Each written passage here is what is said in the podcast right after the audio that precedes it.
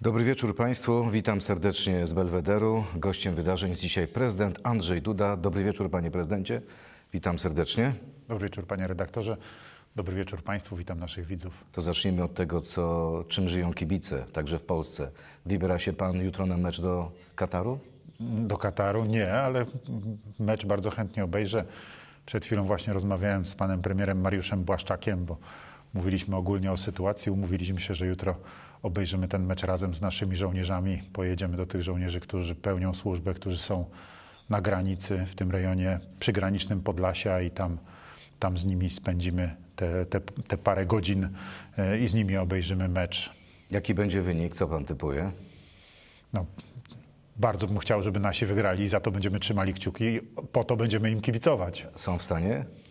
No, zawsze są w stanie. Piłka jest okrągła, bramki są dwie. Ja wierzę w Polaków. Ma Pan zaufanie do trenera Michniewicza, że on coś zrobi fantastycznego? Uważam, że nasi zawodnicy jak chcą, to potrafią i wielokrotnie pokazali, że, że w sytuacjach, w których się, jak to mówimy, zepną, e, umieją zwyciężyć z każdym, nawet z najbardziej faworyzowanymi rywalami. W końcu e, nie tak dawno pokonaliśmy Niemcy, więc e, w elim- w eliminacjach Mistrzostw Europy, tak, o ile pamiętam. Tak, to parę lat Więc, temu było. więc no parę lat temu, ale jednak Ale to było zremisowali z. Hiszpanią, Tak, więc, więc y, umiemy wygrać jak, jak chcemy. Ale wracając do wizyty w samym Katarze, y, parę głów państw tam będzie. Pan nie zamierza y, pojechać na Mistrzostwa Świata?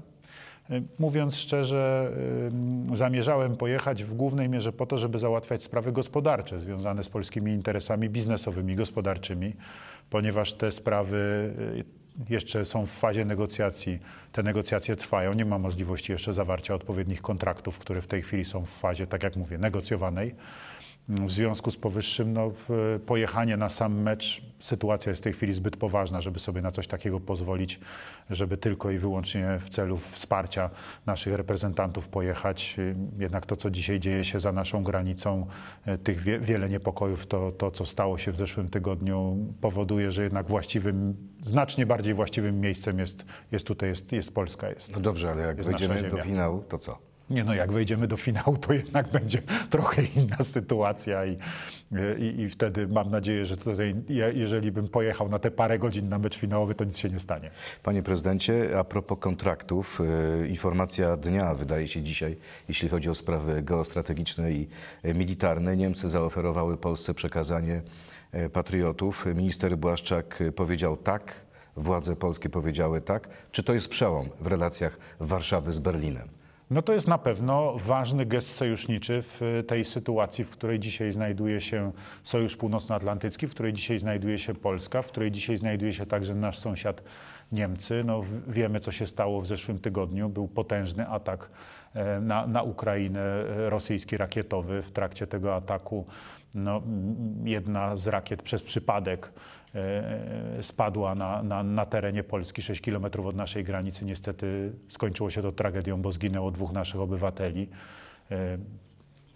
Niestety był to najprawdopodobniej absolutnie nieszczęśliwy wypadek. Nie było to zamierzone, aby ta rakieta spadła na nasze terytorium. E, Tak jak mówię, no, było to niestety nieszczęśliwe zdarzenie. A te niemieckie patrioty I, gdzie się pojawią? One będą tam Te nad nie- granicą? Chcielibyśmy, żeby te niemieckie patrioty, na ten temat trwają rozmowy. Przed momentem zresztą wspomniana przeze mnie wizyta tutaj u mnie w Belwederze pana premiera Mariusza Błaszczaka też właśnie dotyczyła przede wszystkim tej sprawy. E, Pan premier relacjonował mi, jak wyglądały jego rozmowy e, z, z panią minister e, obrony Niemiec.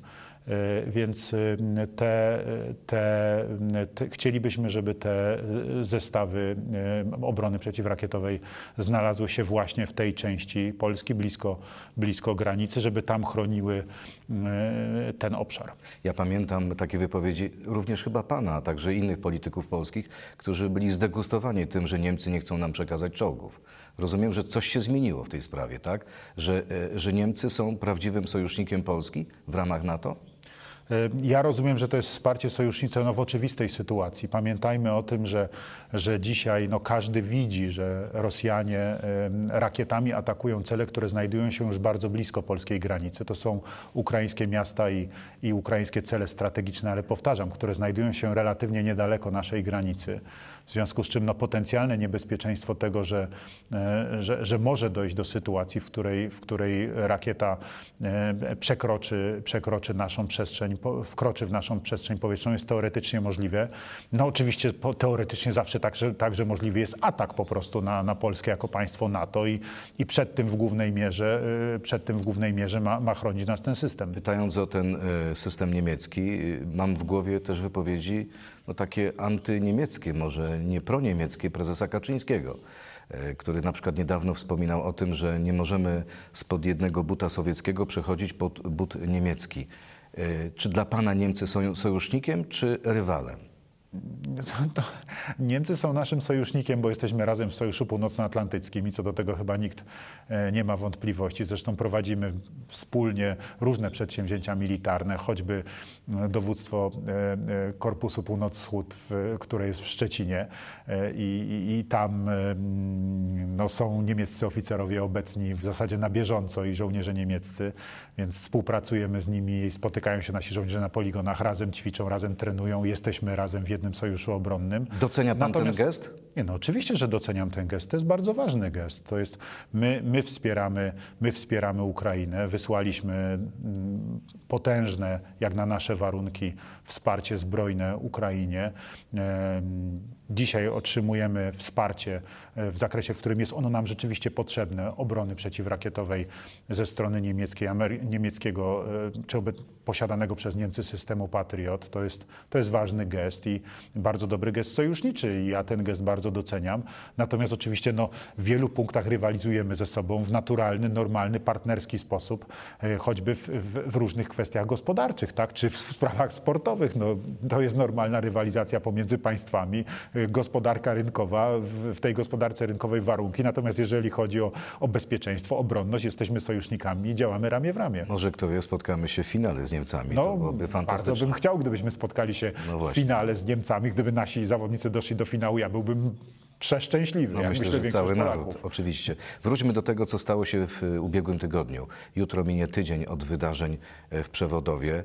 E, Pamiętam, że przez kilka dobrych godzin, e, właściwie do pańskiego wystąpienia, które miało miejsce około północy, no Polacy nie wiedzieli, co się stało. Czy prawdą jest, że władze polskie, że pan osobiście, panie prezydencie, wiedział dobrze, co się stało już w okolicy 18-19, ale nie chcieliście o tym wszystkim komunikować, bo nie było kontaktu z Amerykanami. Jak to naprawdę wyglądało? No nie, około 18-19 wiedzieliśmy, że, że, że spadła e, rakieta. Że to, co stało się w przewodowie, to był wybuch rakiety. To była informacja służb polskich. Mm, Tak.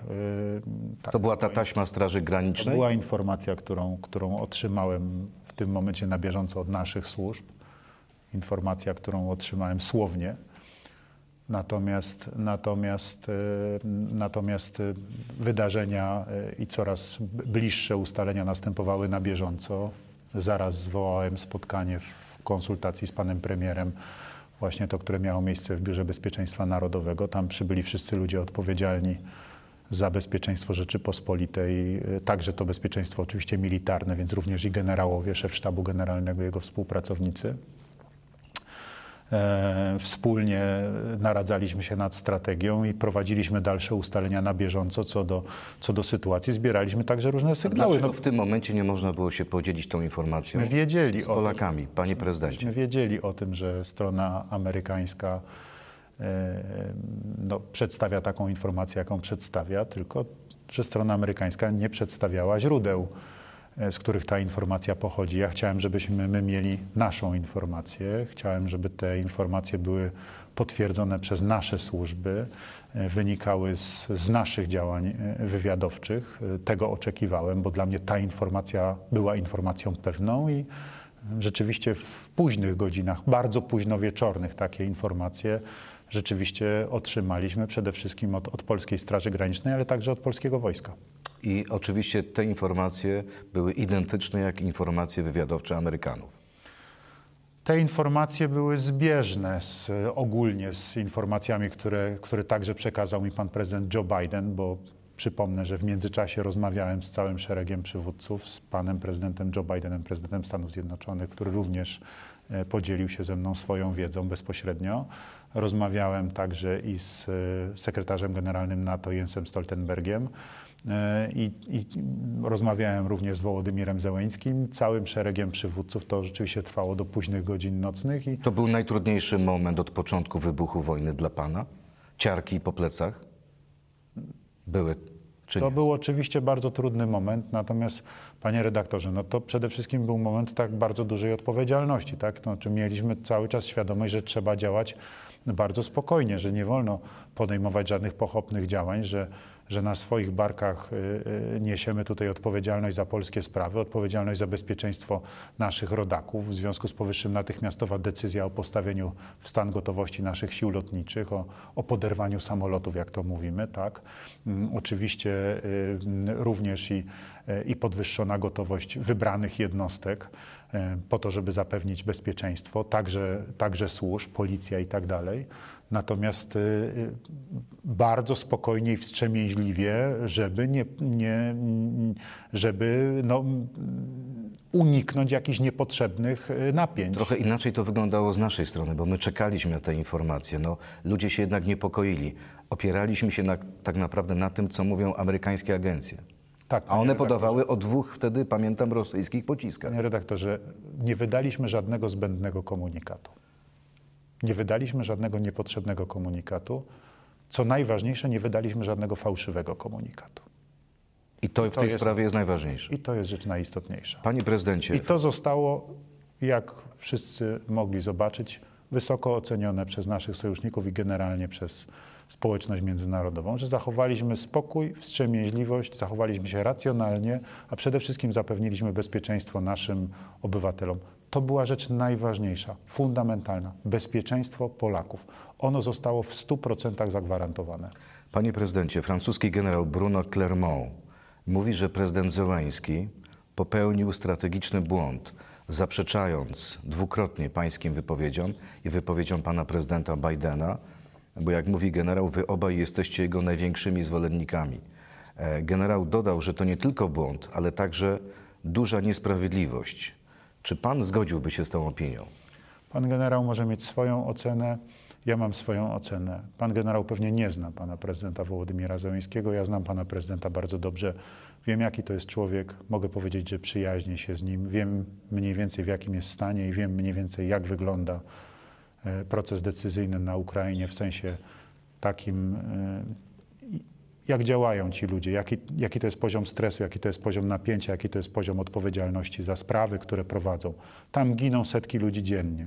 Kiedy jest takie bombardowanie rakietowe, jakie miało miejsce w tych właśnie dniach na Ukrainie, spadają dziesiątki pocisków na Ukrainę. Oczywiście dużą część rakiet rosyjskich udało się zniszczyć.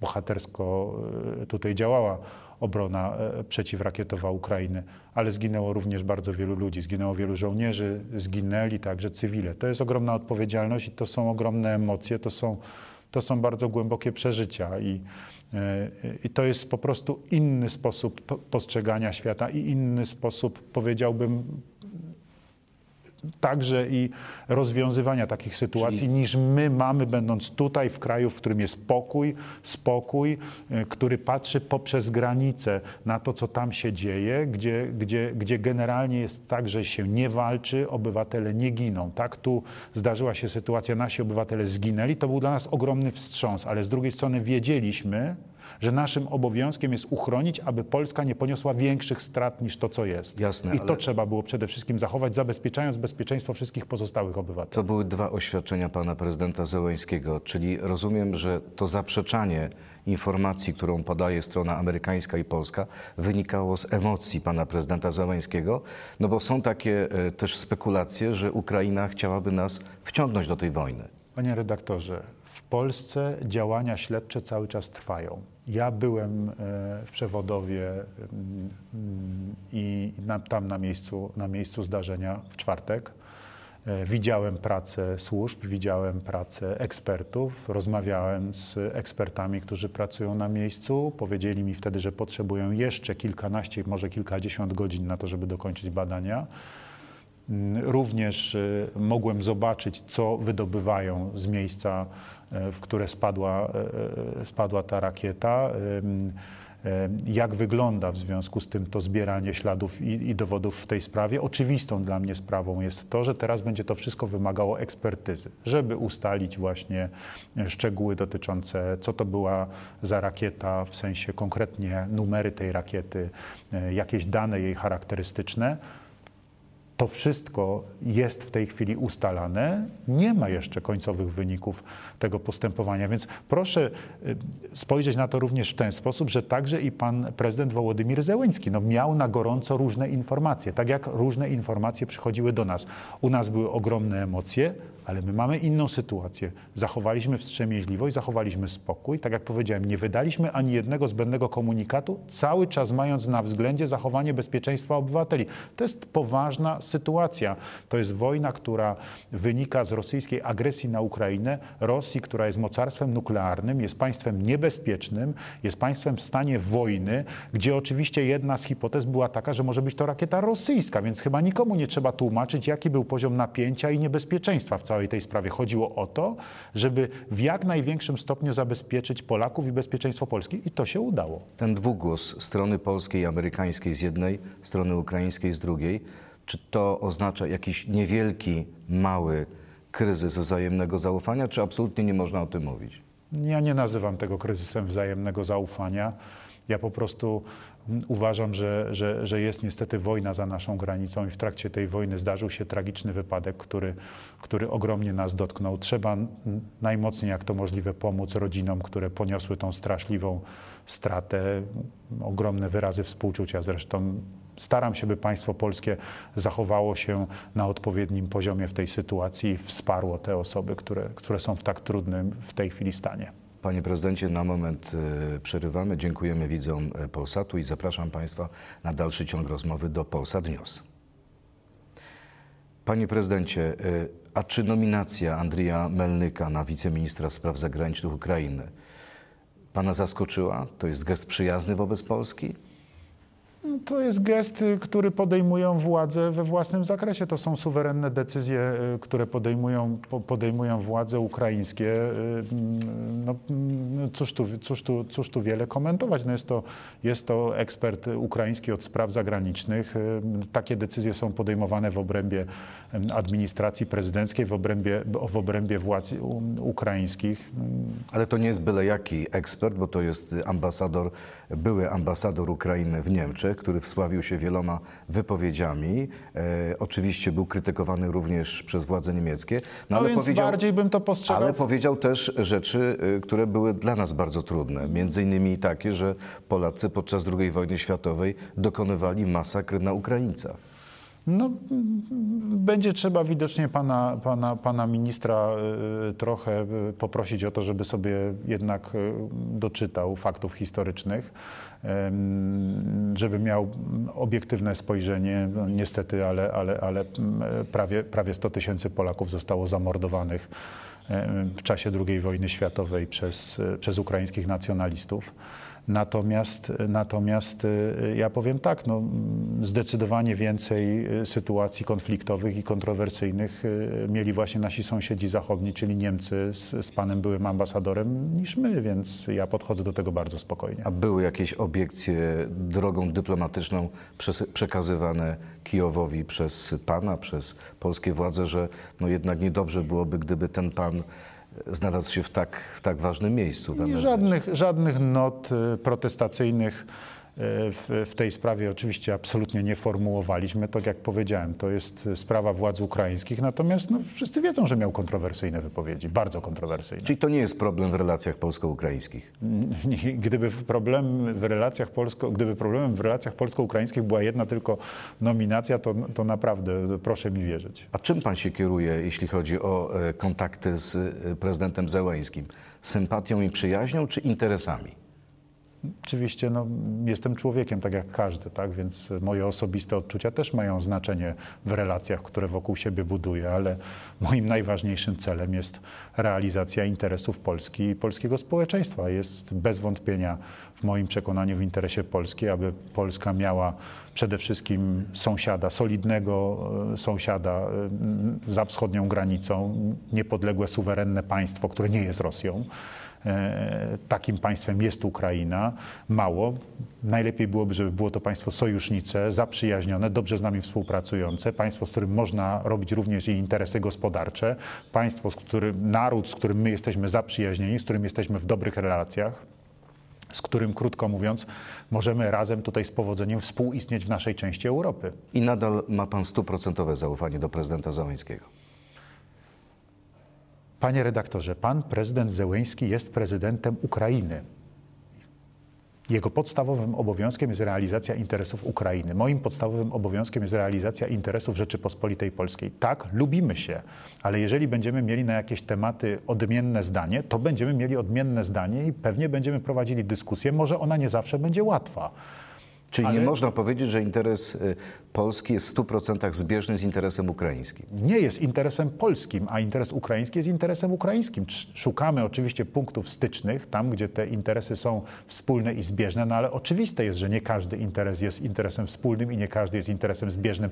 Na, z pewnością są i w przyszłości również będą interesy konkurencyjne. Panie prezydencie, Tak jak są interesy konkurencyjne pomiędzy Polską a Niemcami, choćby na wielu płaszczyznach gospodarczych. Jasne. Panie prezydencie, to przejdźmy do polskiej polityki. Dzisiaj okazuje się, że PiS utraci władzę w województwie śląskim. E, Z Prawa i Sprawiedliwości ma odejść pan marszałek Jakub Heustowski, dając większość opozycji. Czy to początek końca rządów Prawa i Sprawiedliwości w całym kraju? Panie redaktorze, no proszę wybaczyć, ale to jest przede wszystkim zmartwienie śląskiego Prawa i A Sprawiedliwości. pan się tym nie martwi? Przecież pan był jest w Prawie i Sprawiedliwości. Jest przede wszystkim, oczywiście, że byłem. Dzisiaj jestem prezydentem Rzeczypospolitej. To serce panu nie Patrzę- bije dla PiSu? Patrzę na Polskę holistycznie. E, Mam dobre relacje z marszałkami, którzy pochodzą z różnych e, ugrupowań politycznych. Oczywiście mam dobre relacje z marszałkami z Prawa i Sprawiedliwości, ale znam osobiście także i marszałków pochodzących z Platformy Obywatelskiej. Staram się w sposób e, jednakowy patrzeć na wszystkie interesy, a przede wszystkim patrzeć na, w sposób obiektywny przez pryzmat polskich spraw. Gdyby ktokolwiek miał wątpliwości, ostatnio były przyznawane nagrody prezydenckie, gospodarcze. Między innymi wnioskodawcą tych nagród były także i urzędy marszałkowskie. Jeden ze zwycięzców, e, przedsiębiorstwo z województwa pomorskiego, było kandydatem władz województwa marszałkowskich, czyli marszałka województwa pomorskiego, który jak wiadomo y, jest, jest z, z, z Platformy Obywatelskiej.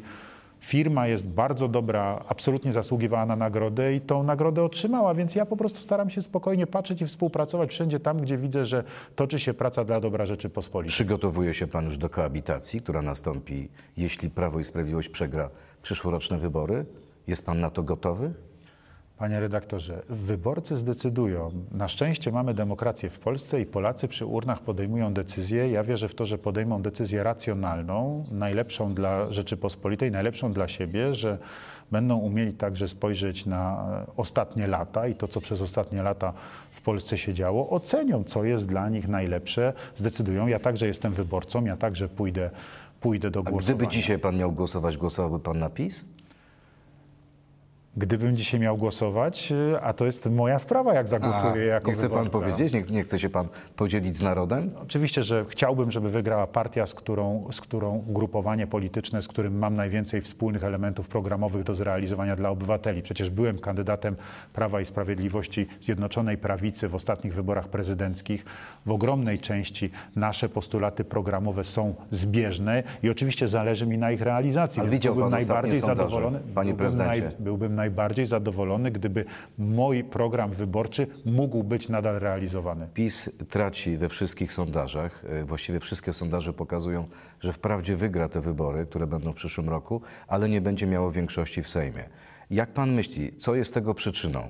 Błędy władzy, arogancja władzy, a może turne Jarosława Kaczyńskiego po Polsce jest nieskuteczny? Panie redaktorze, wybory są za rok. E, Życie nauczyło mnie, żeby podchodzić e, z bardzo dużym dystansem do tego, jakie są e, sondaże na rok przed wyborami. Proszę sobie przypomnieć rok 2014 na rok, no niecały rok przed wyborami prezydenckimi, właśnie nawet niecały rok przed wyborami prezydenckimi. Wybory były w maju 2015 roku, a my rozmawiamy o sytuacji grudzień 2014 roku. Jakie wtedy ja miałem notowania sondażowe? No tak, tylko na samym końcu inna sytuacja. wybory. Rozmawiamy o ugrupowaniu, które rządzi. Pan startował jako kandydat opozycji. Dzisiaj opozycja wydaje się ma większe Każdy szanse. ma swoją szansę. Pytanie, jak ją wykorzysta. No dobrze, y, cieszył się pan, że na Radzie Bezpieczeństwa Narodowego był Jarosław Kaczyński? E, Zaprosiłem e, pana premiera Jarosława Kaczyńskiego z pełną świadomością, że jako lider Zjednoczonej Prawicy no, ma bardzo poważny głos także i w sprawach dotyczących bezpieczeństwa. No, nie oszukujmy się, ale od jego w ogromnym stopniu decyzji zależą decyzje, które podejmuje ugrupowanie w parlamencie. W ogromnym stopniu e, z całą pewnością wpływa także na, na, na decyzje, które podejmuje rząd jako lider, jako lider całej Zjednoczonej Prawicy. W związku z powyższym był zaproszony, podobnie jak był zaproszony na naradę, która odbywała się wcześniej w Biurze Bezpieczeństwa Narodowego. Zaprosi pan na Radę Bezpieczeństwa Narodowego kiedyś Donalda Tuska? Panie redaktorze, y, powiedziałem już, jakie są przesłanki. Zapraszam tych, którzy rzeczywiście mają wpływ na kwestię bezpieczeństwa Rzeczypospolitej w Ale tym ja- momencie, bo to Donald. Tusk jest liderem największej partii opozycyjnej. Nie ma wpływu na Platformę Obywatelską chyba 90%. Głosy są różne. Tak? Ma pan wątpliwości co do wpływu Donalda Tuska na swoją partię? Ja chcę przede wszystkim y, spotykać się z ludźmi, którzy wiem o tym, że mają podejście spokojne i konstruktywne, nie wywołują awantur na polskiej scenie politycznej w sprawach naprawdę poważnych. Osoby, które zostały zaproszone, mówię w tej chwili o przedstawicielach opozycji obecnej parlamentarnej, do Pałacu Prezydenckiego uczestniczyły już w kilku spotkaniach Rady Bezpieczeństwa Narodowego od czasu, kiedy, kiedy, kiedy y, Rosja zaatakowała Ukrainę. Za każdym razem zabierały bardzo konstruktywnie głos, za każdym razem ich udział był niezwykle pożyteczny. Zaprosiłem w związku z tym te osoby, o których już wiem, że w odpowiedzialny sposób zajmują się sprawami państwowymi. Nie zawiodłem się także i tym razem. Co do Donalda Tuska ma pan wątpliwości, że przyszedłby na Radę i zrobiłby awanturę? Wie pan, widziałem różne zachowania e, premiera Tuska, kiedy był premierem, kiedy przychodził do prezydenta Lecha Kaczyńskiego. Widziałem, kiedy u pana prezydenta mówił jedno, a potem wychodził przed bramę Pałacu Prezydenckiego i mówił kompletnie co innego. Czy to jest tak, że Donald Tusk ma szlaban, jeśli chodzi o wejście do Pałacu Prezydenckiego? No jest to człowiek, do którego nie mam zaufania. I go pan nie zaprosi? Jest to człowiek, do którego nie mam zaufania, bo na własne oczy widziałem, że jedno mówił do prezydenta, a drugie mówił zaraz po wyjściu. A jak Donald Tusk zostanie premierem po wygranych wyborach przez opozycję, będzie musiał pan współpracować z Donaldem Tuskiem. Mm, A to wtedy będziemy się martwić o Polskę. E, Który sposób walki o miliardy e, na Krajowy Plan Odbudowy jest lepszy Pana zdaniem? Negocjacja i to, co robi Pan minister Szynkowski-Sęk teraz w Brukseli, czy też pomysły Solidarnej Polski wetujemy kolejne na przykład podatki Unii Europejskiej? To, w jaki sposób będziemy działali, powinno zostać przez osoby decydujące w tych sprawach e, bardzo na chłodno rozważone w konsultacji ze wszystkimi ekspertami, którzy, którzy znają się na tych sprawach i, i powinna zostać podjęta decyzja, które działanie w danym momencie będzie dla nas najbardziej efektywne. A co Panu podpowiada najwięcej- pański, najwięcej pański zmysł polityczny? E, Dokładnie właśnie to. Czyli co? No to, że trzeba dokonać chłodnej kalkulacji, które działanie jest w danym momencie najbardziej opłacalne.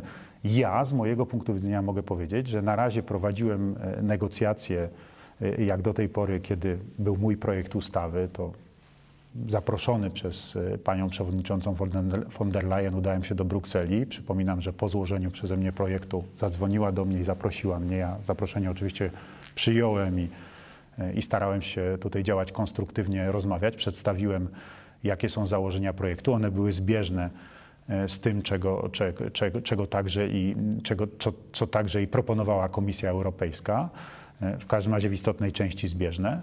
E, I zobowiązałem się, że będę się starał, żeby e, działając poprzez swoich ministrów, którzy mnie reprezentowali w parlamencie, zostało to przeprocedowane no, w jak najbardziej wiernej wersji. Tak, no, oczywiście zawsze jest to decyzja parlamentu, a nie prezydenta, jaki będzie ostateczny kształt ustawy. I poczuł się pan oszukany? Ustawa została przyjęta, tymczasem no, te zobowiązania w moim przekonaniu ze strony Komisji Europejskiej nie zostały zrealizowane. Czy ja się poczułem oszukany? Prze, poczułem się przede wszystkim zawiedziony. No, mam poczucie, że nie dotrzymano wobec mnie słowa. Ale panie prezydencie, ta ustawa w ostatecznym kształcie ma inny kształt niż pan zaproponował, bo były poprawki Solidarnej Polski. Może gdyby była ustawa w pierwotnej wersji, nie byłoby takiej reakcji Brukseli. Ale to nie były poprawki fundamentalne i to nie były poprawki wielkie. Czyli gdyby była sytuacja taka, że warunkiem Brukseli dzisiaj, e, jeśli chodzi o wypłatę tych pieniędzy, jest powrót do pańskiej ustawy, ale w pierwotnej wersji, pan uważałby, że to by, będzie dobry pomysł? Jeżeli byłby to powrót do mojej ustawy w pierwotnej wersji, to przecież to była moja propozycja. Więc gdyby, gdyby chciano wrócić do tego i gdyby chciano ją przegłosować, zmieniając te przepisy, które zmieniono w stosunku do mojego projektu, przyjmując takie zmiany, które byłyby zgodne całkowicie z projektem, który ja pierwotnie złożyłem, to oczywiście nie miałbym nic przeciwko temu. Natomiast obawiam się, że, że, że, że jesteśmy w takiej fazie, kiedy tak naprawdę nie chodzi o to, żeby złapać króliczka, tylko chodzi o to, żeby go gonić i że są stawiane coraz to nowe e, żądania ze strony Komisji Europejskiej, nie tylko po to właśnie, żeby nie wypłacić tych pieniędzy, Ale tylko po to, żeby budować napięcie. Ale prezes Kaczyński, mam wrażenie, od kilku dni przygotowuje elektorat Prawa i Sprawiedliwości do tego, że będzie radykalny zwrot, radykalna zmiana. Mówi o tym, żeby być elastycznym. Sceptycznie też patrzy na pomysły wetowania. Mówi, że tak naprawdę to nie jest amunicja, to są kapiszony, te weta potencjalne. E, No, w takim razie czekam, co zostanie zaproponowane. No, Oczywiście pytanie, czy będzie się to mieściło w ramach konstytucyjnego systemu Rzeczypospolitej Polskiej i także i interesów Rzeczypospolitej Polskiej. Czyli y, podpisze pan ustawę, jeżeli będzie taka nowa ustawa, patrząc na tę ustawę pod tym kątem, czyli zgodności z konstytucją. Oczywiście, że tak. Zawsze tak patrzę. A czy uważa pan, że Zbigniew Ziobro nadal powinien pełnić funkcję ministra sprawiedliwości? W przyszłym tygodniu będzie głosowane kolejne wotum nieufności wobec niego. Panie redaktorze, no przede wszystkim e, nie ukrywam, że zależy mi na tym, żeby rząd się utrzymał. Dlatego, że zależy mi na tym, żeby w Polsce był spokój. E, Załamanie się rządu w tym momencie, w sytuacji, kiedy mamy wojnę za naszą granicą na Ukrainie, kiedy w zeszłym tygodniu mieliśmy taką, takie chwile niepokoju, no z całą pewnością nie jest korzystne, bo to zawsze oznacza zamieszanie w kraju. Czyli Nie odejście Ziobry oznacza załamanie się rządu, rozpad W y, jakimś sensie koalicji? jest to wstrząs zawsze, tak? Więc nie jest to dobra sytuacja. I ostatnie pytanie, czy podjął pan już decyzję, panie prezydencie, jeśli chodzi o ustawę dotyczącą przesunięcia e, wyborów samorządowych na wiosnę 2024 roku? Nie, nie podjąłem jeszcze takiej decyzji. Jeszcze mam na to chwilę czasu. Ale waha się pan, czy, pod, czy podpisać, czy nie podpisać, czy już pan wie, że pan podpisze, tylko czeka pan na dobry moment? Y, Jestem. Trwały, trwały u mnie jeszcze przez ostatnie, przez ostatnie dni i dosłownie godziny analizy tego, co ostatecznie y, otrzymaliśmy z Sejmu, tego, co ostatecznie zostało uchwalone przez parlament. Ale raczej Więc- będzie pan na tak? Ja generalnie od samego początku mówiłem, że jestem zwolennikiem tego, żeby wybory samorządowe nie zbiegły się z wyborami parlamentarnymi, bo uważam to za istotne zakłócenie procesów demokratycznych. E, Więc, więc y, wszyscy wiedzą o tym, którzy się interesują polityką i słuchali wypowiedzi, że byłem zwolennikiem i jestem zwolennikiem przesunięcia Czyli wyborów sensacji raczej nie będzie. Wykorzysta pan termin, który panu służy do podpisania tej ustawy i ustawa zostanie podpisana. Mm, Panie redaktorze, zapoznam się szczegółowo z analizą, którą wykonało dla mnie e, Biuro Prawa i Ustroju Kancelarii Prezydenta Rzeczypospolitej i wszystkimi dokumentami, które zostały przygotowane i podejmę decyzję. Bardzo dziękuję panie prezydencie. E, Naszym gościem, gościem wydarzeń był prezydent Andrzej Duda, prosto z Belwederu, a teraz proszę państwa zapraszam na debatę dnia w imieniu Agnieszki Gozdyry. Do zobaczenia. Dziękuję bardzo.